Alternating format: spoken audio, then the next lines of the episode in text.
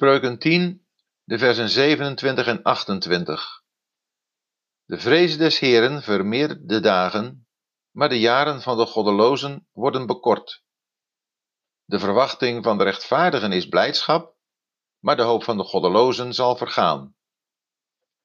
De normale verwachting voor iemand die de Heere vreest, is dat hij lang zal leven, terwijl de jaren van de goddelozen worden bekort.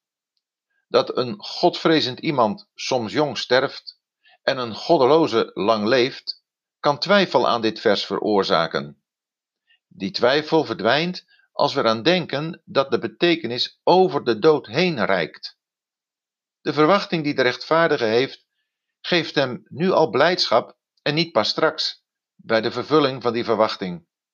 De oorzaak daarvan is dat zijn verwachting is verbonden aan de trouwe God en zijn Christus. Die God is nu ook al bij hem. Op hem vertrouwt zijn hart. Het oog van de rechtvaardige is niet in de eerste plaats gericht op wat hij verwacht, het leven tot in eeuwigheid, maar op hem die zijn verwachting niet zal beschamen. Iemand heeft gezegd dat het niet gaat om een lang leven, maar om een vol leven. Een vol leven is een leven gevuld met de wil van God en is daarom een lang leven, want wie de wil van God doet, blijft tot in eeuwigheid. En Johannes 2, vers 17. De Heer Jezus heeft gesproken over het leven in overvloed.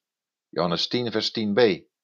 Aan dat leven komt nooit een einde en is tevens leven dat in zijn volheid wordt genoten. Het gaat niet alleen om de duur, maar ook om de inhoud. Het korte verblijf op aarde wordt gevolgd door een leven tot in eeuwigheid bij de Heer Jezus in het Vaderhuis. De goddelozen hebben ook hun hoop. Ze rekenen zichzelf rijk als ze voorspoed hebben en gezond zijn door te leven alsof dit eindeloos zo zal blijven. In hun droomhuis wanen ze zich nu al in de hemel, maar ze zullen ontwaken in de hel. Ze hebben geen enkele grond voor hun hoop dat hun voorspoed altijd zal voortduren, omdat ze niet met God rekenen. Hun hoop zal daarom ook vergaan. Koning Zedekia is hiervan een duidelijk voorbeeld. Jeremia 39, versen 1 tot 8.